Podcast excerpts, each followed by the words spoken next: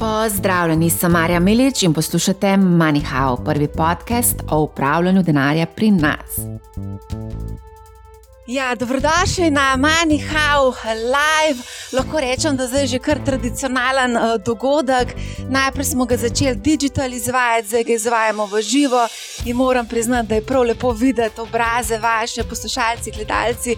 Lepo je priti v stik z vami. Tako da hvala, da ste se danes odeležili našega dogodka. Pripričana sem, da boste izvedeli zelo veliko zanimivih stvari in da vam bodo te zadeve, ki jih boste danes slišali, uh, seveda tudi koristili pri upravljanju pri uh, upravljanju vašega uh, premoženja.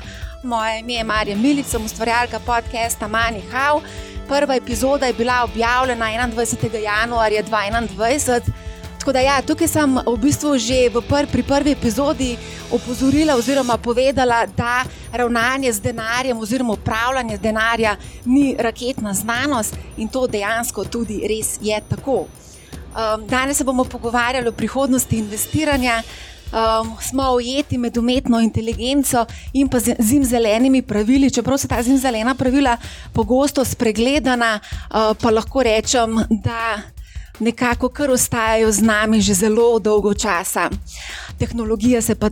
Eksponentno razvija in to v zadnjih, recimo, desetih letih, če samo pomislite, kaj se vse je zgodilo. Um, res, res nevreten tehnološki napredek, ampak če pa pogledamo še daljšo zgodovino, recimo 300 let, ne, je bilo pa še več tega, teh inovacij. Ampak same osnove oziroma temelje investiranja pa ostajajo praktično nespremenjeni.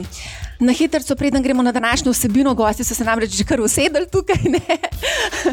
Sam na hitro povem, napovedujemo delavnico Do It Yourself, kako investirati v delnice, prihaja jeseni. Delavnica za začetnike je bila kar precej uspešna, tako da veliko ste nas spraševali, kako pa izbrati delnice, kako se odločiti za investicije. Tako da bomo tudi konkretno tukaj pogledali, kako kupiti delnico.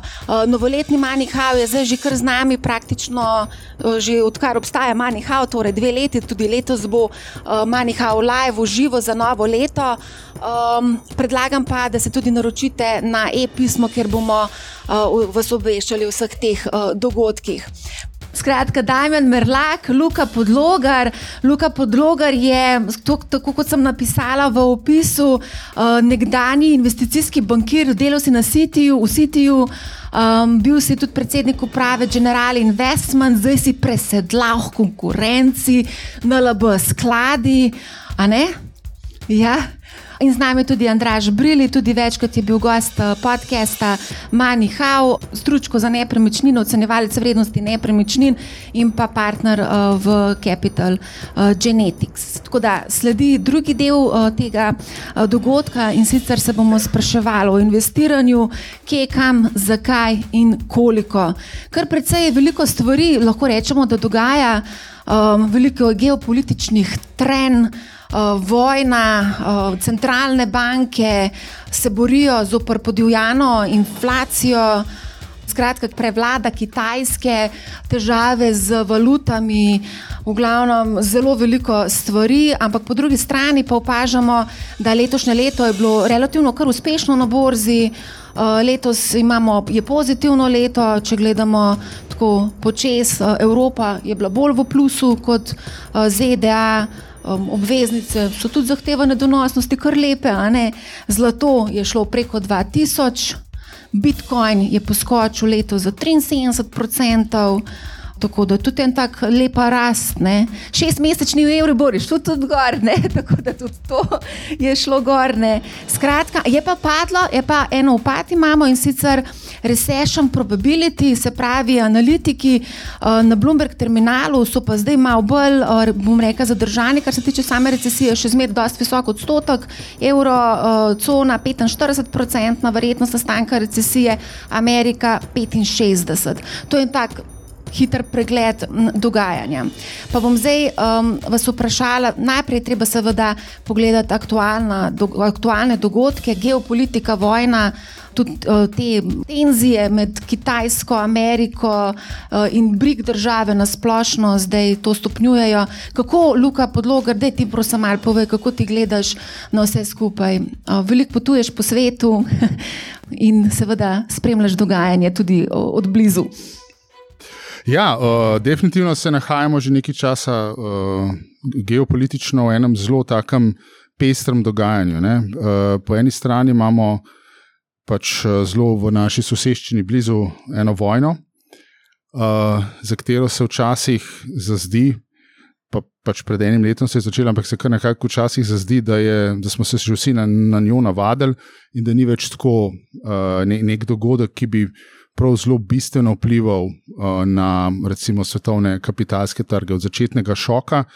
Nekako zdaj je to postala neka stalnica ali pa skoraj včasih kar obstranska tema uh, pač svetovnih novic.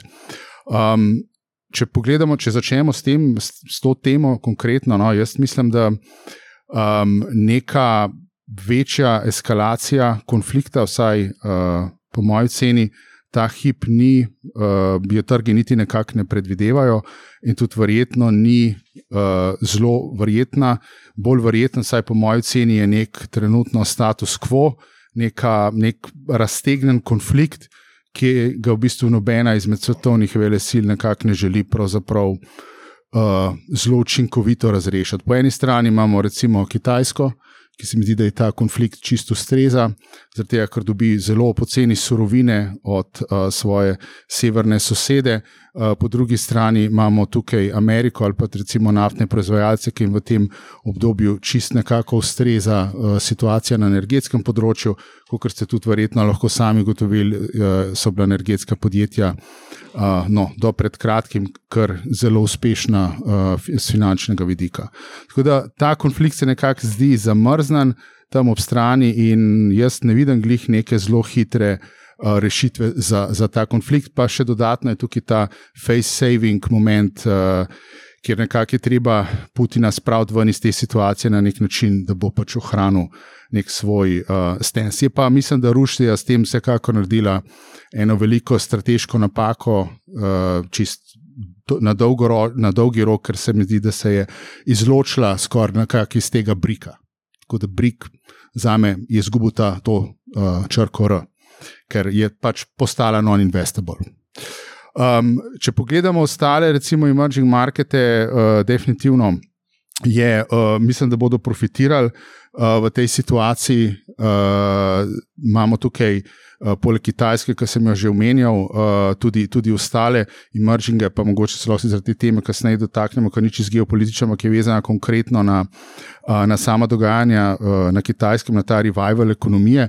Torej, Kitajska definitivno v tej situaciji, pa tudi zaradi odprave COVID-nih um, restrikcij, zdaj se mi zdi, prihaja v nek nov cikl rasti komunikacija um, tudi kitajskega establishmenta je zelo pro-biznis. Um, vidimo tudi prve znake, um, relativno močnega prebujanja na serv kitajskem servis sektorju. Uh, če boste pogledali, recimo, koliko je trebala znotraj same Kitajske. Boste videli, da je ta, ta uh, volumen dejansko zelo zrastel v zadnjem času, um, in ta pent-up demand, uh, ki smo ga mogoče tudi že videli v zahodnem svetu, pa njegov učinek na markete, dejansko se bo zgodil, po mojem, tudi na kitajskem, se pravi, še posebej v storitvenem sektorju. In bomo, po mojem, videli podatke za GDP v drugem kvartalu, pa v tretjem kvartalu zelo močne. Um, Sedaj, ko govorimo o tej geopolitični situaciji, ne moramo uh, sedaj imeti trgovinskih vojn. Uh, to je ena pač tema, ki se vleče že nekaj časa. Zadnjič sem gledal podatke o, recimo, tako, za nekaj desetletij, kakšen je bil recimo sentiment uh, US populacije uh, glede Kitajske, in uh, lahko vidimo, da je v bistvu skozi desetletja zelo negativno. Uh, postaje, mislim, od nekje, recimo 60 do 80 odstotkov američanov, um, ki so gledali mogoče še v 60 letih prejšnjega stoletja pozitivno na Kitajsko, smo zdaj padli tam na 10 do 20. Tako da Kitajska je tudi v očeh ameriškega voljivca nek boogeyman, ki pač uh, ga je treba na nek način zatreti. in to se tudi odraža zelo lepo pri teh TikTok zgodbah in tako naprej. Ampak uh, definitivno jaz mislim, da um, pač ameriška administracija bo na nek način vzdrževala na dolgi rok ta um, pritisk na Kitajsko. Pa seveda ni ta US uh, volivc edini, ki, bo, ki je pač razlog za ta pritisk, uh, seveda so razlogi druge, predvsem uh, na področju čipov.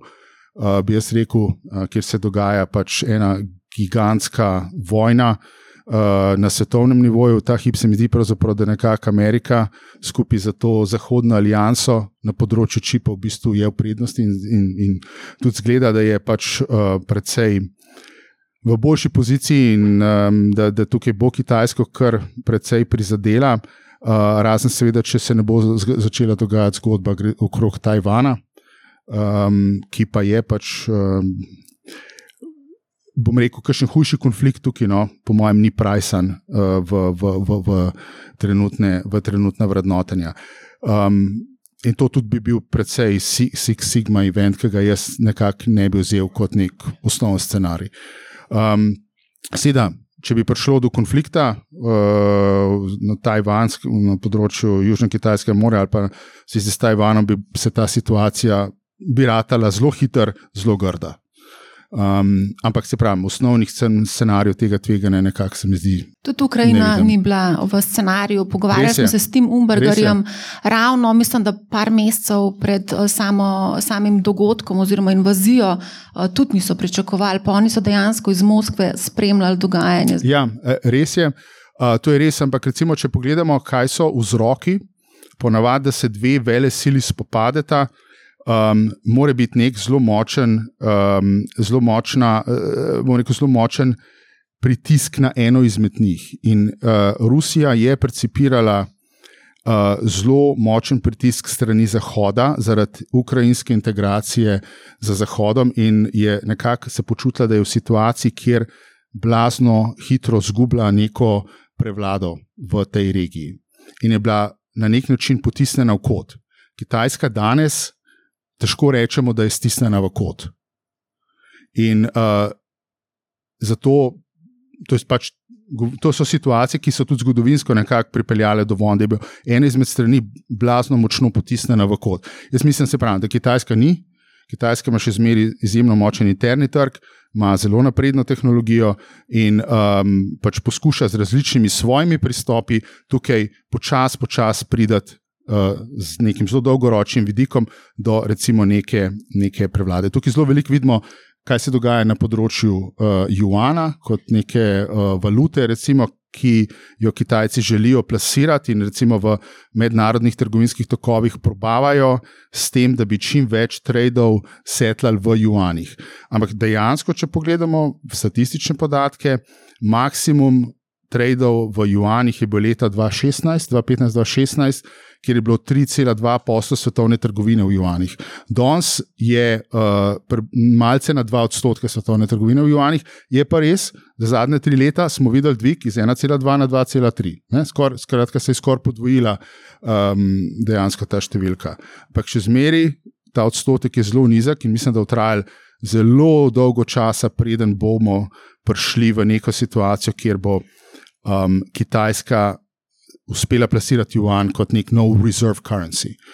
Razlo, razloga tukaj je več, um, predvsem po mojem, ta, da imamo v juanih zelo malo tudi um, finančnih inštrumentov. Mi nimamo enega bond marketa ali pa enega marketa uh, zakladnih menic z ogromno globino, tako kot je recimo ameriški ali pa kot je recimo evropski um, ali pa tudi japonski, ne, ki bi omogočil, da bi ja, dejansko centralne banke držale inštrumente v juanih. Ne. Tega preprosto nikar ne more držati spod keša. Mogoče sem tukaj, gospod profesor Mojmir Mrak, ravno v epizodi je povedal, da on vidi scenarij, da se bosta formirala dva tabora, se pravi tisti, ki podpirajo Doral in tisti, ki podpirajo Juan. In da boš v poziciji, ki boš mogel izbrati. Recimo naš finančni minister, ne vem, če veste, je rekel, da bo Slovenija izdala obveznice na kitajskem in na japonskem, samorajske obveznice. Ne? To je tudi ena tako zanimiv način razmišljanja, ne? se pravi, iščejo, želijo razpršiti. Uh, tako da obstaja tudi ta scenarij. Ne? Ja, sigur, sigurno obstaja. Sam po mojem, um, ne glede na to, da je bilo zelo veliko hajpa na to temo. Jaz mislim, da ta proces, če se sigurno imajo Kitajci interes, da se začne dogajati, ampak bo blazno dolgoročen, zato ker morajo razviti najprej svoj finančni trg, da bo dejansko lahko več teh. Um, Inštrumentov, ki jih, bodo, ki jih pač centralne banke držijo, kot pač rezerve, kot rezerve ne, da dejansko jih bo šlo sploh čist tehnično držal. Um, naslednje leto so volitve v Ameriki. A tukaj bo pomembno vplivalo na uh, trge? Ponovadi zelo pozorno spremljamo, kaj se dogaja eno leto pred, eno leto po volitvah. Ja, ampak spet, če govorimo o, glede samih odnosov s Kitajsko, tukaj mislim, da sta obe dve stranki pravzaprav čist poravnani, torej imata. Obe dve bi rade Kitajsko stisnili, v bistvu odnosi s Kitajsko so se začeli uh, slabšati v času Trumpove administracije in ta pritisk v bistvu se je samo še nadaljeval, pa poglobil v času Bidenove administracije. Tako da jaz mislim, da z tega področja pravzaprav ne bo kakšne hude spremembe v ameriškem pristopu. Mislim, da bomo sigurno naslednje dve do tri leta uh, tukaj na tem področju imeli nek status quo. Ampak ta decoupling obeh, ker obe dve ekonomiji sta danes izjemno povezani. Um, ampak ta decoupling, te pritiski, dolgoročni, se bodo pa sigurno nadaljevali. Ne? Kitajska se poskuša odlepiti stran od Amerike, uh, poskuša vedno več, recimo tudi um, na področju kmetijstva. Uh, se vezati na določene druge emerging markete, na Brazilijo, Argentino, ki mislim, da boste iz tega profitirali, razvija uh, na področju tehnologije svoje, svoje pač, uh, šampione. Um, Ja, in jaz mislim, da pač uh, ta decoupling na dolgi rok se bo nadaljeval, in bomo videli na koncu, kaj bo pač uh, nek outcome. Prav super, te trendi niso, no? tako čist na dolgi rok. Uh, Damien, ti predvsej investiraš, ali si ti pozoren na, te, na to dogajanje s Kitajsko? Uh, pozor, oziroma, ali ti je relevantno uh, informacija, da bo naslednje leto volitve, da obstaja možnost, da tudi Trump v bistvu te volitve tudi dobi? Mislim, dogajanje s Kitajsko je iz mojega vidika se ne dogaja zdaj nič tako posebno novega, kot se, kot se odvija že nekaj let. Volitve so pa, mislim, da še predaleč, da bi zdaj, se, zdaj nekdo, ki je ok. Nekdo, ki dolgoročno investira, to za ni tako ne igra vloge, nekdo, ki pa investira na nek tak swing trading, kot ga jaz delam, pa je pa to še nekako predaleč se bo, po mojem, bistveno kakšna druga stvar lahko zgodila, ki bo premaknila stvari, še preden pride do volitev. No. Um, se pravi, ti si rekel, da zdaj, kje, v kaj investiraš trenutno? Um, večinoma se držim uh, ameriških delnic uh, in to čisto splošno SP indeksa. Se pravi, brez posameznih delnic trenutno, ker ni, mislim, ne vidim smisla trenutno v nekem stock pickingu. Ali. A kaj pa obveznice, to ti je, to ti je interesantno, vem, da um, si. Sem, ja, ampak trenutno ne. Mislim, trenutno nimam. Ko smo imeli zadnji ta event, sem povedal, da v bistvu prodajam put opcije na ta TLT, ATF in ta stvar se je dosti dobro išla, ampak zdaj nimam več teh pozicij. Uh -huh, uh -huh. prav... Ker so obrestne mere itak. Um, Zdaj, v tem obdobju, od zadnjega manjha do danes, so obrestne mere do, dosegle nek, uh, nek uh, high. In zdaj, v bistvu, kar se lahko zgodi, je, da, da padajo ali pa grejo še mal gor. Zdaj, nekega, ne vem, nekega drastičnega dviga v Ameriki jaz ne pričakujem od teh 5 odstotkov naprej. Uh -huh. uh, za ECB so še so napovedani tri dvigi po 25 bazičnih točk. Ampak skupaj... ECB je še bistveno niže. Ja, ja, seveda. To je eno je, leto zadnji za Ameriko. Že. Je, je nižje. Ja. Se pravi, uh, inflacija uh, smo jo ukrotili na evroobmočju, medtem ko regionalno ne, še ne. ne. Bistvo, na evroobmočju mislim, da nismo ukrotili inflacije. Lej, sam, če primerjaš ne, v bistvu Evropo in Ameriko, Evropa ima v bistvu obrestno mero, če jo z ameriško target obrestno mero primerjaš 1,2, se pravi 120 pik nižjo. Uh, Medtem ko inflacija, ta kor inflacija, tako je ta zoprna inflacija, persistentna, je dejansko 100 eh, bazičnih točk višja. Tukaj ima Evropa še kar velike uh, poti za prehod, da bo dejansko inflacijo uh, uspela umiriti. V Ameriki smo pa, zdaj konsens je nekje blizu, na vrhu ali blizu vrha. Zdaj, ja bomo videli še kakšen dvig, uh, je vprašanje predvsem od tega, po mojem, kako bo ameriška centralna banka gledala na podatke, ki jih vidi iz ekonomije. Če se bo fokusirala, po mojem, izključno na podatek o inflaciji, jaz mislim, da obstaja kar močno tveganje, da zadeva overšuta. Se pravi, da overšuta za obrestno mero in uh, pahne in poveča, bom rekel, verjetnost recesije. Um, če bo gledala, pa upoštevala tudi podatke, ker inflacija namreč je dosti lagging indikator. Ne?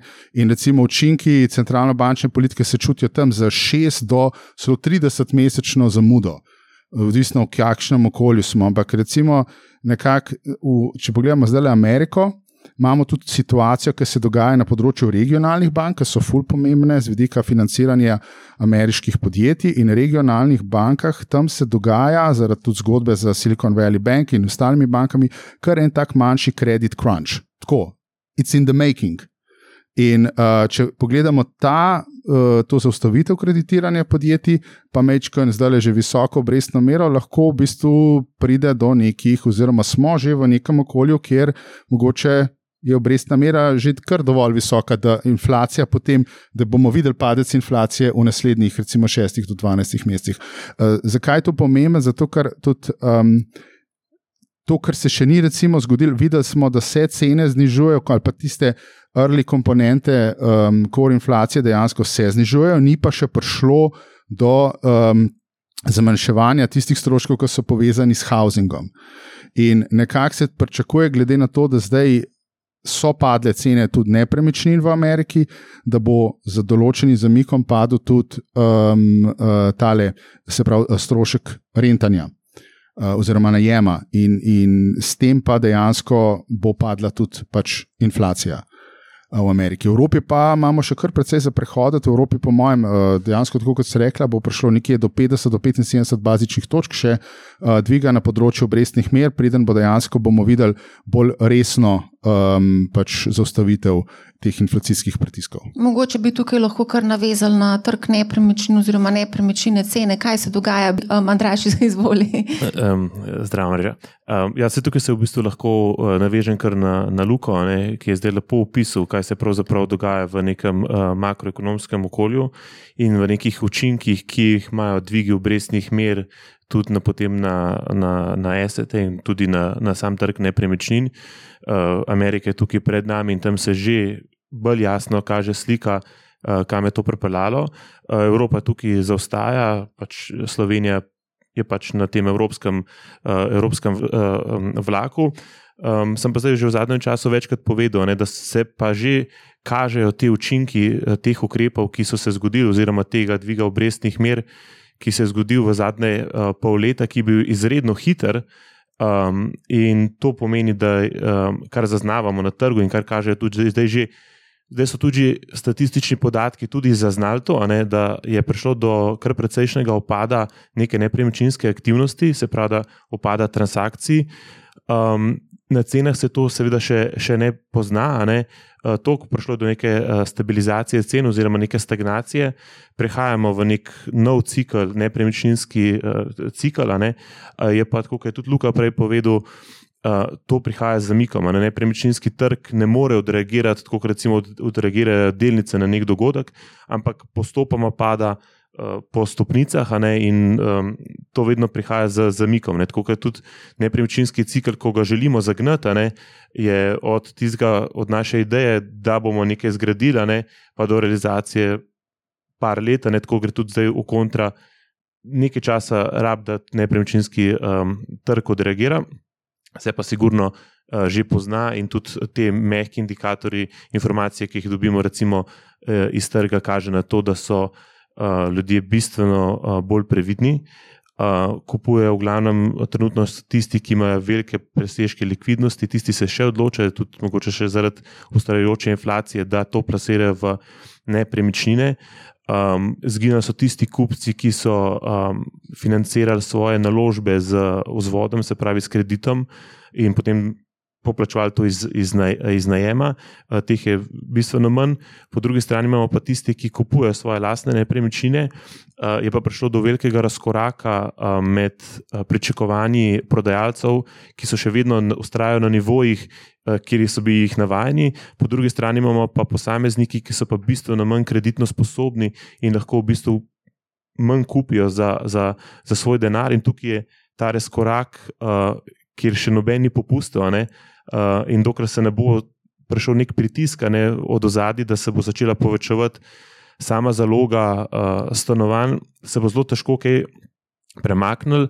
Uh, nimamo take situacije, ker je bilo recimo leta 2008 z velikim propadom zaradi finančne krize in zaradi slabe gospodarske situacije, da so propadla velika gradbena podjetja, ki so pri nas žal nosilec gradbene dejavnosti in produciranja novih stanovanj, na trg. Ne, tega ni za pričakovati, da bo zdaj tukaj neka ogromna količina nekih zalog prišlo na trg in bodo ljudje še zaradi tega se bolj ustrali, ampak trg se, se umirja in zdaj bo zelo odvisen, kako bo, um, kako bo v naslednjih letih, um, kakšna bo situacija.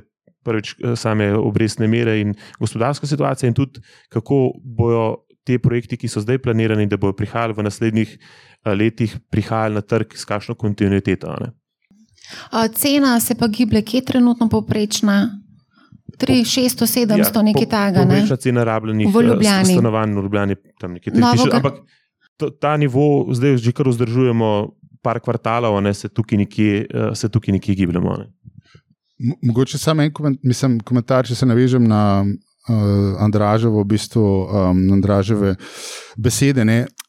Pri nas ta učinek še ni tako viden, sploh ni viden na rezidenčlu. Ampak, če pogledamo, pa recimo, kaj se dogaja na razvitih marketih, pa če pogledamo situacijo z recimo, tistimi odprtimi nepremičninskimi skladi, ki omogočajo izplačila, so pa praktično še vsi.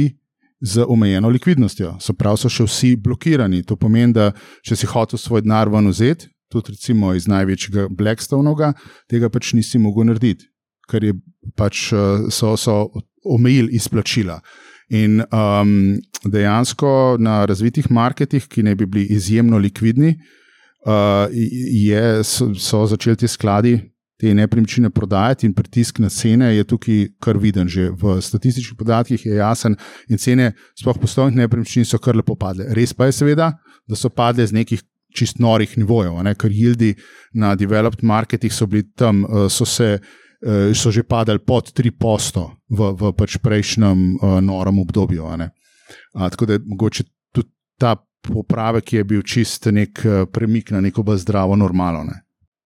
No, rasti so bile v preteklih letih res enormne in ta dvig cen, v bistvu eksponenten, v zadnjih vem, desetih letih je bil skoraj mal nevreten. No. Vsi smo se tri leta nazaj sprašvali, smo dosegli takrat vrha, ampak pa smo s to COVID krizo dodatno monetarno spodbudo uh, denarja, do, do, mislim, je prišlo do dodatnega zagona tega nepremičninskega trga. Ampak, če se mogoče samo še na to navežem, kar je tudi Luka rekel, ne, uh, skladi pa uh, izplačila. Ne, um, seveda, pač pritisk vlagateljev je tako, skladi delujejo približno tako, kot je delniški trg. Se pravi, omogočajo, da ti likvidiraš svojo naložbo v nepremičnino z izplačilom.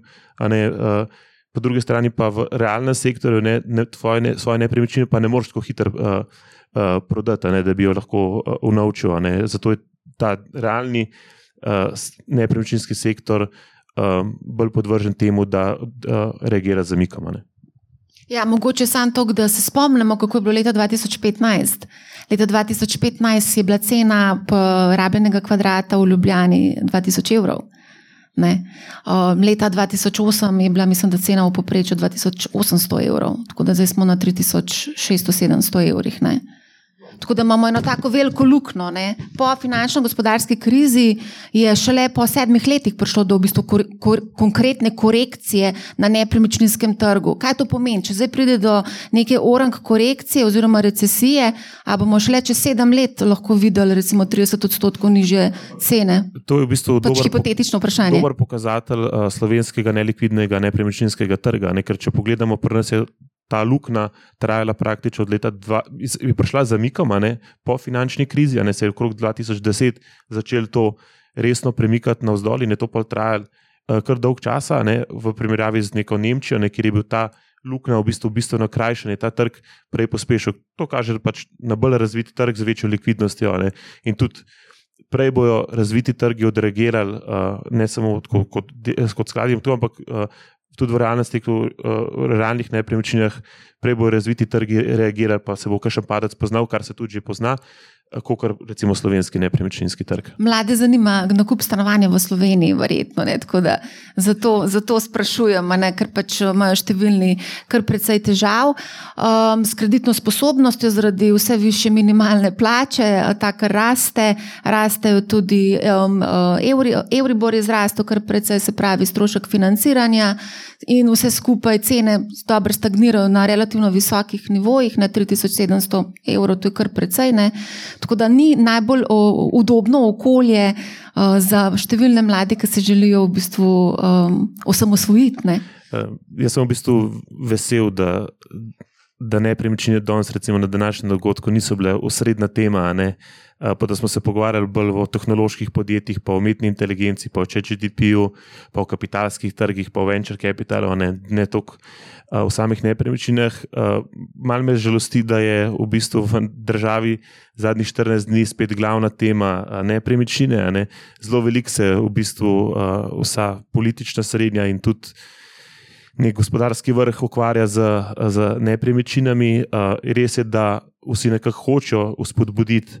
Um, ta nepremičninski trg, uh, predvsem najemni trg, ne, predvsem želijo uh, narediti, eh, da bi nekako država intervenirala in pomagala nepremičninskemu trgu, da bi postal bolj likviden, oziroma da bi se nekako stabiliziral, ne, da bi prišlo več ponudbe tako na prodajnem trgu, kot predvsem na najemniškem trgu, ki je kompletno um, zamudil nek vlak razvoja v primerjavi z Evropo in z, z svetom v zadnjih 20 letih, se praktično ni nič uh, naredil na našem nepremičninskem, na najemniškem nepremičninskem trgu, in zato imamo take anomalije, kot uh, so danes dogajajo v Ljubljani. Ne, da enostavno ne moreš dobiti nekega stabilnega najemniškega trga, stabilnega okolja, v katerem bi kot posameznik najemal to stanovanje in po drugi strani izredno visoke najemnine za najmanjša možna stanovanja. Kaj se je točno zgodilo z najemninom, kje se trenutno vrtijo številke? 10, 12, ja, mislim, 15. Mislim, najemnine so v bistvu na kvadratni meter v Ljubljani blizu med 15 in 20 evrov na, na kvadratni meter v zadnjem obdobju. Moramo vedeti, da tudi za kakšne gorsonjere se plačuje vem, 700, 800, 900 evrov, eh, da ne govorimo o večjih uh, st, uh, stanovanjih. Tukaj na najemniškem trgu uh, ob zelo omejeni ponudbi najemniških stanovanj ne tekmujemo v bistvu po eni strani z kratkoročnim oddajanjem turistom, ker je premalo v bistvu turističnih kapacitet, po drugi strani tekmujemo z eh, študenti, ker ni zagotovljenih eh, študentskih domov, kampusov in tako naprej. Praktično eh, ljudje oddajajo študentom stanovanje, ki je namenjeno dvem osebam, petim študentom in s tem maksimizirajo svoje najemnine tukaj je treba veliko narediti, da bi ta trg eh, najemnin stabilizirala. Dajmen, kako pa ti gledaš na trg nepremičnin? Tudi sam si kar precej aktiven bil. E, ja, zdaj ne kupujem več nobene. Um, mislim, da ja, pač cene, ki so bile, zdaj si rekla, da, so, da je povprečna cena še vedno skoraj 4000 evrov na kvadrat. Jaz to, če primerjam z Dubajem, je to tam tam. Mislim, pa to govorimo o rabljenih stanovanjih. A Dubaj ja, govorimo ne, o novih, novih, novih ja. Se pravi, do, v Dubaju lahko kupiš stanovanje za 4000 evrov ja, na kvadratni meter novo. Ja, na dobri lokaciji. Recimo 5000 na kvadrat, novo gradnja na top lokaciji. Um, ne vem, zdaj je ok. Sej, A pa je lepo živeti v Dubaju. Ja, ne, sej, to sem hotel reči. Slovenija je najlepša na svetu. Bo rekel vsak, da je Ljubljana je najlepša na svetu, Slovenija. To pa sploh. Sploh, reč, petkrat na leto pridemo v Ljubljano in vsakeč mi je žal, že ko se peljemo v Ljubljano. za petih sem štartal, pa še zato sem zamudil za šestih. um, ne vem, kaj naj rečem. Jaz ne bi kupil. No. To rečem. Jaz, jaz bi raj mogoče malo pogledal okrog, kakšen, kakšen svet. Ker, uh, tudi prej, ko ste se pogovarjali o um, startupih in teh zadevah.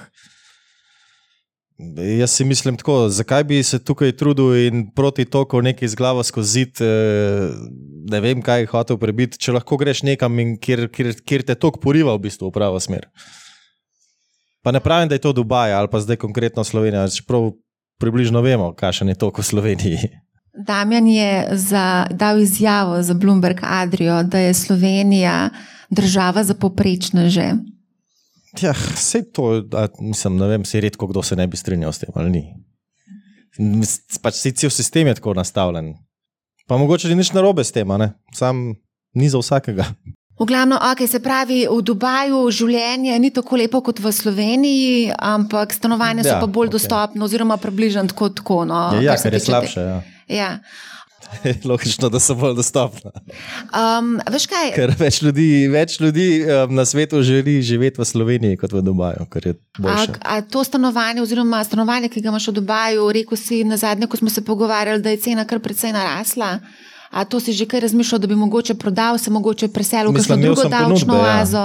Imel sem ponudbe, ampak uh, problem je to, ker nekaj prodaš, potem moraš imeti neko uh, alternativo. Kaj pa potem? Jaz se to te sprašujem, če si, mogoče, če si mogoče študiral v kakšni drugi davčni oazi ali ja, pa ne, drugi destinaciji. Sej Dubaj je normalna, Združeni arabski emirati so legitimna država, ni to davčna oaza. Davčna oaza si ljudje predstavljajo en otok, pa palma gor raste. um, mislim, ne vem. Ne, pa če za Dubaj verjetno ostajam. Jaz Tudi če bi v Dubaju bili normalni, tudi če bi Dubaj zdaj uvedel popolnoma isto davke kot v Sloveniji, verjetno ne bi, bi si verjetno ostal tam. Ker ni to point. Saj jaz se lahko jutri preselim nazaj v Slovenijo, pa, bom, pa bo moja davčna situacija popolnoma ista. Ker se nimam plača, se nimam dividend, se nimam obresti, se ničesar ne zaslužim.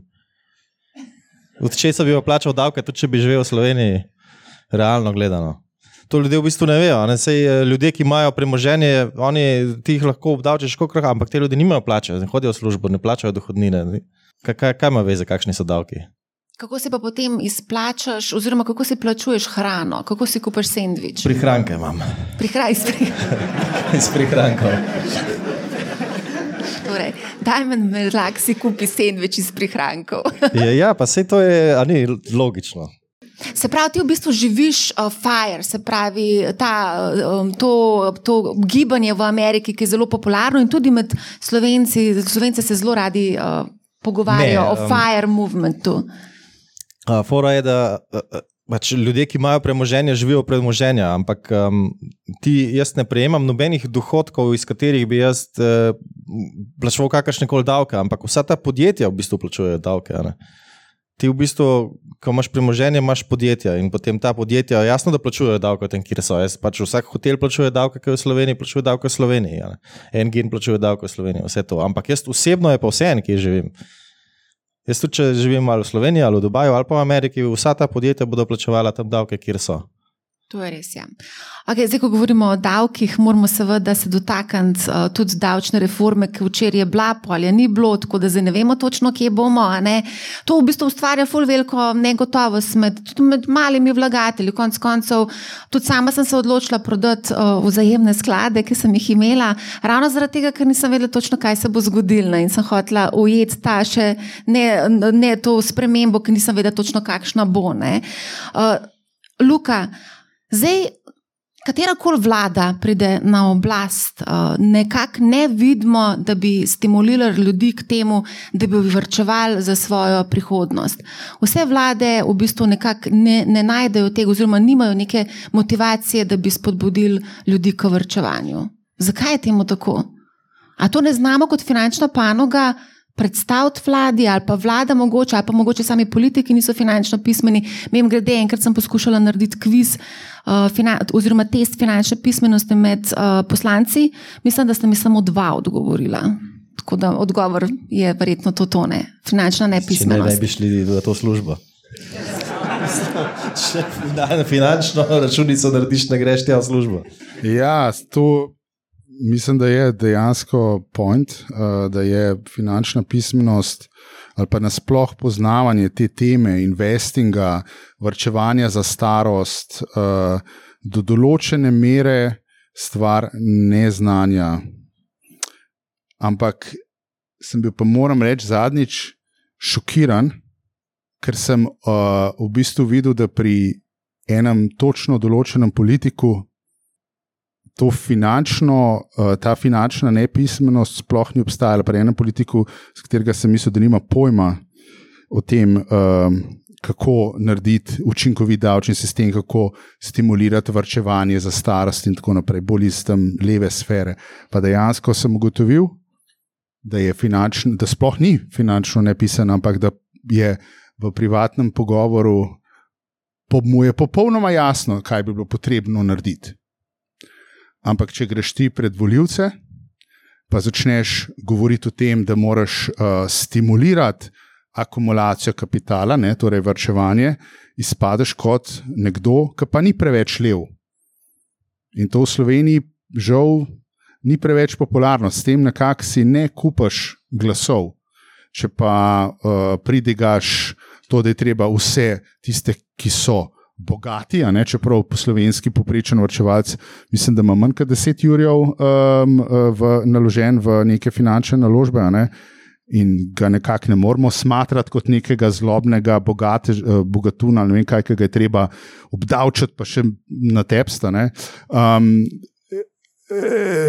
če, če pa, ampak pri valilcih, no, kot sem rekel, pač ta retorika žal ni popularna, ne pele nikamor.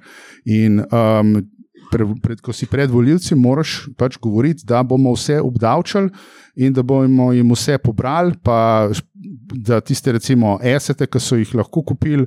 Z, z že zelo obdavčenimi plačami bomo še dodatno obdavčili, ne, recimo nepremičnine, konkretno. Tukaj je predvsej enega uh, govora v zadnjem času. Um, to so malo, za mene vsaj, neke teme, ki so precej strašljive, ta, ta retorika mene plaši.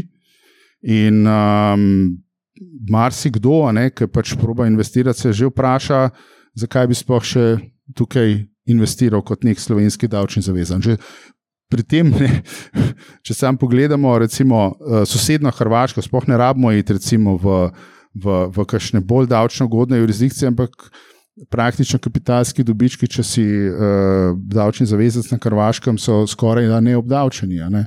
Po dveh, treh letih si praktično tax free.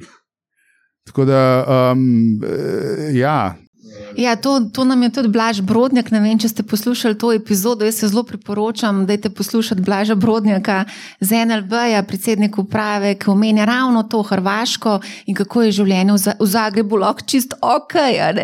Um, zaradi tega, ker plače so manj obdavčene, premoženje je manj obdavčeno, že po dveh letih si prost plačila davka. Mar se kater podjetnik celo razmišlja, da bi se preselil za nekaj časa. Točno to, pa tudi vlagatelji dejansko poznamo konkretne primere, ko dejansko vlagatelji se odločijo, da bodo preprosto investirali iz hrvaške entitete uh, v Slovenijo na nek način in pač skoz, skoz, na ta način pač potem probali se izogniti delno, vsaj kok, uh, za nekim pametnim strukturiranjem plačilu davka. Ker preprosto v Sloveniji, uh, razen če si res zelo, zelo dolgoročen vlagatelj, um, se pač temu davku od kapitalskega dobička kar težko izogneš. Ne? Ne moreš se izogniti. Mislim, da smo glih zdaj dobili, um, kako se že odločbo. Mislim, da je bilo glih danes zjutraj poslana nam odločba. Um, tako da za, za um, obdavčitev kapitalskih dobičkov. Sej, to je v bistvu tudi um, odraz tega, zakaj imamo Slovenci teh 28 uh, milijard depozitov uh, na bankah. Jaz mislim, da sta tukaj. Sam, ali lahko sem tukaj mogoče uskočim? Vedno govorimo e, o ne vem kolikem procentu, se to na NLB je bolj natančno vejo. Mehen odstotek ljudi. Zelo mehen odstotek ima tega večino. Pre, ja. Premoženje, ampak hočem povedati, kar se mi zdi poglavitno, je, ne, um, da je zelo veliko uh, nezaupanja ne, v kapitalske trge, ne, v druge oblike investiranja, um, da je tukaj zelo veliko tudi povezan z finančno nepismenostjo. Ne, uh, ljudje enostavno se ne, ne znajo odločiti, oziroma si ne upajo, uh, ker so bili mogoče v preteklosti že parkrat upečeni, ko so probali narediti kakšne naložbe v delnice ali pa kam drugam, da se manj odločajo v, v, za same te naložbe. Povem konkreten primer, ki sem se danes z Moniko pogovarjala, prej sem sem prišla. Ne? Ona ima v bistvu stik z ljudmi, ki kupujejo nepremičnine kot investicijo. Ne? In oni jasno povejo, da je ta naložba za, za ker enostavno ne vejo, kam drugam bi denar vložili, in jim je nepremičnina najbolj domača in najbolj enostavna uh, naložba. In bi radi investirali kam drugam, sam enostavno. Nimajo zaupanja. Zanimivo je tudi to, ne, da te, ki investirajo v nepremičnine, ne znajo zračunati donosa iz nepremičnine. Konkretno. No, to je pa tudi ena, tako da ne vem, koliko jim je čist domač. Ne znajo, da bi pa izračunali. Oni ne gledajo v bistvu izračuna. Ne, ne po mojem, v bistvu mali vlagatelji tako zelo malo gleda na to donosnost, ne pa da bi ne vem, IRR računali ven iz naložb, pa ne vem kaj, ne, ker niti, niti ne vejo, kaj to je. Oni bolj gledajo pač kot neko približališče, ne, da bo njihov denar relativno varen in da ne, ne bo izgubljal na, na vrednosti. Sam ne znajo že jilde zračunati. Ne? Ja, v glavnem, ne, ampak vseeno se je zgodila neka demokratizacija financ, investiranje je postalo bolj dostopno, tako da jaz mislim, da mladi tukaj, da se nekaj spreminja. No? Je pa res, da te, ki imajo denar na naših bankah, to so pa verjetno malo starejši ljudje. Predvsem, ne? ja, predvsem imajo bistveno boljši dostop do, do informacij. ne. Zdaj z vsemi forumi, z umetno inteligenco, s tem bo verjetno investiranje veliko bolj uh, lažje razumljivo. ne. Zdaj, naši starši imajo sliko Jugoslavije, ki investiranje ni bilo. Pa se, so se tako bali te inflacije, zato so tudi množično zdaj hoteli ta sredstva prenesti. ne. Zdaj mlajše generacije so bolj odprtih uh, glav. Po mojem, ta ekipa, ki je danes tukaj noter, nima težave s finančno pismenostjo, ampak to ni reprezentativen vzorec, uh, po mojem, generalne populacije. Se saj jaz tudi vidim zdaj, sploh v tej novi poziciji, da dejansko je kar problem uh, z pač poznavanjem te zgodbe investinga. In je treba kar veliko enega efforta vložiti. Zato, da bomo to finančno pismenost pove- povečali. Tako da je, je še full enega case tukaj na opismenjevanju, finančnem svetovanju in teh, teh temah, zato da lahko investiranju približamo. Je pa res, da definitivno, tako kot si pač ti malo nakazala s svojim vprašanjem, tukaj je treba nekaj narediti uh, v Sloveniji, zato da stimuliramo vrčevanje. In davki so, sorry, za me ena izmed ključnih komponent. Ja. Mogoče samo še um, en predlog. Kruno Abramovič, uh, ex-predsednik uprave NLB skladi, bil tudi gost uh, epizode Manihau, govorila sva prav o vzajemnih skladih. In takrat je povedal, da v vzajemnih skladih vrčuje, da je poprečen vrčevalec star, mislim, da 55 let. Tako da to je kar, se mi zdi, kar tako visoka starost, oziroma že prej bi mogli začeti vrčevati. Je pa res, da mlajši ne investirajo v vzajemne sklade, oziroma se odločajo za investicije v veliko bolj stroškovno prijazne ETF-e. Ja, res je. Res je. In tudi, recimo, če jaz spremljam uh, z zanimanjem Manihau Discord kanal. Uh, Res na našem Discordu si. ja, ja. um, ampak in dejansko mi je pač všeč, da je ta tema stroškov ena izmed um, tem, ki, o kateri se veliko govori. Uh, ja, industrija vzajemnih sloven- slovenskih vzajemnih skladov pač uh, ni tako stroškovna, ali pa mislim, produkti, ki jih ponujemo, ta hip niso tako stroškovno učinkoviti, kot je investiranje preko ETF-ov. Ampak treba se pa istočasno zavedati, da poprečna populacija, ki kupuje te produkte, ni sposobna odpreti računa na e-torotu, ni sp- pogosto ima težave že z navadnim trgovalnim računom. Um, kupiti ETF, pa narediti neko alokacijo, je rocket science, pa ne bi smel biti, kot se tukaj Ali lahko pogovarjamo. skočim tukaj, ker smo ravno na prejšnjem dogodku Manihau Live imeli predstavnika uh, platforme uh, Trade Republic tukaj. Uh, dejansko preko Trade Republic, to je zelo user-friendly um, trgovalna platforma. uh, Bistveno bolj prijazna kot Interactive Brokers, narejena prav v bistvu za tiste, ki uh, želijo, ki so v bistvu bolj amaterski vlagatelji. Eh, Nakup ETF-a je zelo preprost. Ti danes v bistvu skleneš nekakšen vrčevalni načrt, ker ti avtomatsko se zgodi uh, nakup. Pa še to, investiraš lahko v, mislim, da 10 ali 12 slovenskih delnic. Uh, da ne bomo govorili, kakšni prihranki so lahko tukaj, glede na to, da so stroški brokerjev v Sloveniji zelo, mislim, kar visoki. No? Ja. Tako da obsta- se nekaj dogaja. No? Absolutno se dogaja in super je to, da se to stvari dogajajo, ampak treba se zavedati, da žal v povprečju populacija niti ne ve, kaj je sklad, kamoli ETF. Tako je. Mislim, predpogoj je, da sploh znaš angliško, verjetno. Ne? Da se lahko to greš. Tako da tukaj, po manj, že večina pade od tega povprečja Damjan. 55. A ti nekaj um, kriptovalute, predpogoj za to, da ti Tukaj kupaš. pa ne rabiš, tukaj ti pa na dom pride nekdo, ki ti A, to to je pa proda. tudi res, to je pa res. Dejansko je to res. Pride nekdo v dobrem avtu, obleke ti direktno Čeprav prinese valuto. zadnjič mi je en starejši gospod me klical uh, in je rekel, da so ga klicali, ne vem kje, klice dobiva iz vse posod, iz Ukrajine, Rusije, iz Kazahstana, iz ne vem kje vse dobiva klice. Dejansko je šel nekaj investirati in zdaj, mu, zdaj, zdaj so mu zaklenili denar in hočejo, da nakaže še mal denarja, zato da mu to odklenijo. In to se zdaj dogaja že kar nekaj časa. To je, čist, to je natekno, to ni investicija v kriptovalut. Mislim, Mislim, da to v dejan- ne- No, ampak, To ampak zdaj recimo, no, nove izpeljanke. To so, tega. da, da, ampak Ja. ne, ko ti hočeš investirati v kripto, kam moraš iti? Ti moraš A odpreti, danes? mislim, danes. Vse ljudje investirajo takrat, ko je največji boom. Itak, ja. Ampak povej Takrat mi, se to dogaja, da v bistvu valute pridejo do tebe. če hočeš preko. Binance investirati, um, recimo, ne? Ja, mislim, Znati moraš vem, angliški ali jezik. Binance je preveden slovenščino, znati ne? moraš angliški jezik, Interactive Broker, znati moraš angliški jezik.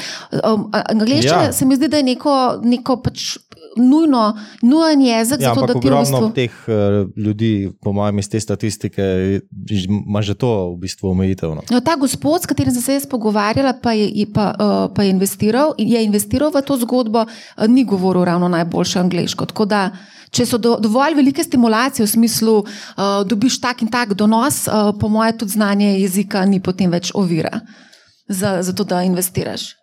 Se je verjetno ni on našel te scheme. Ne, ne ga so Je schema našli. ne šla njega. Vse zadnje, ne vem, če ste kaj pozorni, res veliko klicev je, SMS-ov, ne vem, če dobivate, ampak jaz tega res dobivam ogromno.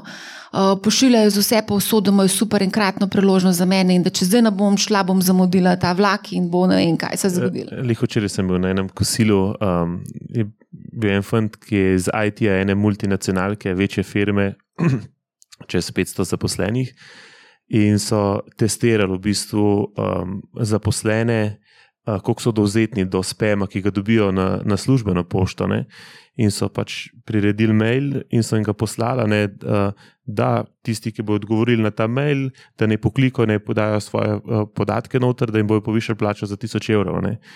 In dejansko, mislim, so bili strašljivi po, podatki, uh, koliko ljudi je v bistvu izpolnilo to ne, in po- poslalo v bistvu na, na spam mail uh, podatke. Ne. Tako da to veliko pove tudi. Uh, Če je dovolj velika spodbuda, mogoče, če bi bila dovolj velika spodbuda v smislu davčnih ugodnosti, ne, bi tudi mogoče bilo potem. Pohle, mislim, eh, pohlep je spet tista, ne, ki prevladuje, ki dostikrat ljudi pahne v neke stvari, ki. a Ne, Mislim, kar bi mogel narediti, se je zelo simpel. Jaz sem že kar utrujen od tega, koliko sem že to govoril. a Ne? Ampak tretji stebr bi mogli vzpostaviti v Sloveniji, kjer lahko, vem, recimo do 10-15 tisoč evrov letno poinvestiraš tax free. Vse to ni nek rocket science, te, te modeli obstajajo v UK, v Italiji. To, da pač nekako tiste pokriješ to eno večjo skupino malih vlagateljev, ki bi želela pač dajati nekaj na stran. In je pametno, da začnejo dajati čim prej na stran um, in si ustvariti pač nek, neko akumulacijo, ki bo pa za penzijo ali pa za karkoli drugega. Sam, jaz imam uh, pri teh ugodnostih, uh, je po mojem velik problem to, ker jaz imam pogosto občutek, da ogromno davkov, ki obstajajo, ker so te, te mali davki, ki so vem, davek na to, davek, ki se jih skoraj nič ne pobere, ki je brez veze. Um, ampak še vedno obstajajo in, in ogromno davkov, po mojem, obstaja iz nekega principa, ne zato, ker bi bili smiselni. Zato, ker so pravični. Ne? Ker za nekega politika je pravično, da se plačajo davek na to, čeprav je vseeno, se ga pobere 3 milijone na leto na, v celi državi. Um, pa, je, ve- pa je več stane tisti sistem, da se to pobira, pa da se to kontrolira, kot pa se tega pobere, ampak je pravično, da se to pobira. Ja, a sploh ne. tako ne, In po tej ne logiki- digitaliziran. In po tej logiki uh, je težko kakršne koli ugodnosti pričakovati, da, da jih bo kdo dal. No. Se pravi, rešitev je pač pejti v investicijo uh, in pa drži uh, dolgoročno, se pravi 20 plus let, ko si prost plačila davka. Ali ja, ta, aktivno. hip, ta hip je to, ra, razen tiste malenkosti, ki jo pač lahko dobiš, uh, ko investiraš uh, v bistvu bruto za neto, ne? ali neto za bruto. pač Dobar, v ne, jaz, bi- sklad. ne, tukaj- praktično edina Večina ugodnost. tukaj, po mojem, ni investirana v sklade življenjskega cikla, čeprav pol milijona slovencev je, ampak mladi načeloma ne vstopajo v to zgodbo. Recimo, da si investitor, uh, da sam investiraš, ne? recimo, kupaš neko delnico, kupaš ETF, mogoče tudi vzajemni sklad. Ne vem, um, ne? Se pravi, rešitev je, da se izogneš temu davku, da, ga, da držiš dolgoročno to. Ne? Se pravi, ta hip je to, um, če pač si v Sloveniji in se ne odločiš za nek tax structuring, ja, that's it. Ja, ampak jaz mislim, da vse nas to ne sme nekako odvrniti. Na kljub neugodni davčni politiki in negotovosti z nastopom vsake vlade, od tega, da investiramo. Marsikdo mi piše danes, kdaj je pravi čas za vstop na trg, in se nekaj čaka, in se čaka, Včeraj. čaka, čaka. Ja, včeraj je bil že čas. Ja. Ja. Tako da mogoče tudi to en tak Mislim, dober mesič. Uh, Največji trep, v kjer ga ful veliko vlagateljev pada, je, da sploh niso investani. Um, in uh, teh, ne vem, koliko 26-28 milijard na računih, pač ta cash ni investan. Tudi če imaš na računu 10 jurjev ali pa 5 jurjev, ta cache ni investan. Ne? In če ga ti ne rabiš za neke svoje likvidnostne potrebe, pa se moraš resno vprašati, koliko si zadovoljen s tistimi minus 10 ali minus 8 realnega donosa. Ne? So just go and invest. Ne? Mislim, Mislim, realno po Slovenci trenutno potem izgubimo 3 milijarde na leto. Koliko je pa proračun slovenski? Um, Ne vem, koliko je proračun. A ni 50, malo čez 50, Andraš, BDP ti, si, ti veš. Ti ne ve, bo Andraš pogooglal, pa nam bo povedal. Mogoče 10% od BDP je 50. Um, 10, 5, 10, tam um, nekje. a lahko mogo, tebe Zdaj, veliko krat Andraš. pravi, Polovico proračuna mi izgubimo od, od inflacije. Ja, in, ja. Uh, Damien, tebe veliko krat vprašajo uh, glede samih investicij, kam z denarjem. Kaj jim ti odgovoriš? Se vem, vem, to se že tisočkrat povedal, ampak dej sam še enkrat. Znam, Mogoče se je kaj ja. spremenil, ne vem. Rekel si, spomnim se, ko, se, ko sem te enkrat to vprašala, si rekel, da si svetoval nekim kolegom, ki pač niso nikoli investirali, da naj odprejo Revolut in kupijo pač tam neke delnice. Ja. Vse to je tako. Revolut ima zelo pogosti app, no, ki ga ljudje imajo. Um, tudi omogoča tam, da nekaj kupaš, pa mogoče pač šlej, pač daj 100 evrov, 50 evrov, tam tja. Vse to, da ima človek občutek, pa gleda nek graf, pa, pa, pa, pa dobi občutek, da se nekaj dogaja, ne? pa ga mogoče to mal, s časom malo potegne. Um, a jim boš zdaj svetoval, da ne vprašajo čet GPT za nasvet? A uporabljaš čet veš, da sem zadnjič sem prvič uporabil za nekaj. Ne vem, kaj sem hotel zračunati, nekaj, koliko se relativna vlaga spremeni, če se neka temperatura spremeni v prostoru. Ne vem, pač take stvari me kdaj zanimajo. Um, Zanimivo. In to je da Google full dela, če hočeš to vse skupaj izpraviti. Ne? Zdaj ne vem, tam neke grafe gledati. Um, on ti pa pač pove.